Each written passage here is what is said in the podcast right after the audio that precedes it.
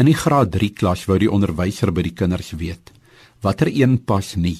Kar, fiets, televisie. En die juffrou herhaal dit weer. Kar, fiets, televisie. Klein Annelie steek dadelik haar hand op en sê: "Fiets, juffrou."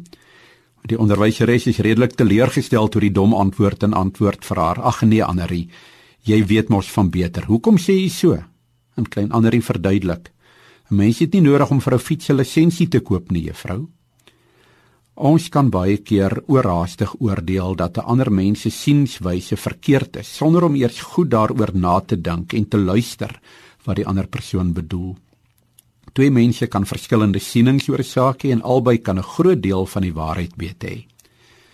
Ons beleef dit ook baie keer in ons geloofslewe. Elkeen verdedig sy standpunt so asof dit al waarheid in die hele wêreld is en asof my manier die enigste manier is waarop aanbid kan word. Dalk moet ons meer na mekaar begin luister.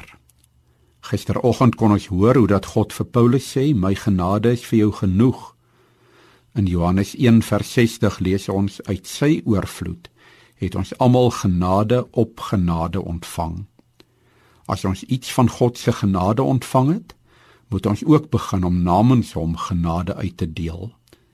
In plaas daarvan dat ons mekaar se koppe was omdat ons dalk nie goed genoeg luister nie, moet ons dalk meer begin om mekaar se voete te was en regtig te begin vra. Hoe wil God ons gebruik om regtig 'n verskil in sy koninkryk te maak? Kom ons doen dit deur na mekaar te begin luister. Iemand het mos op 'n keer gesê, ons het twee ore en een mond. Gebruik dit in dieselfde verhouding as wat jy dit ontvang het. Met ander woorde, luister twee maal voordat jy eenmaal praat. En wanneer jy praat, moet iets van God se genade ook uit jou mond uitkom. Kan ek jou vanoggend seën met die seëngroet wat Paulus in 2 Korintiërs 13 vers 13 opgeteken het. Die genade van ons Here Jesus Christus en die liefde van God en die gemeenskap van die Heilige Gees sal by julle almal wees. Amen.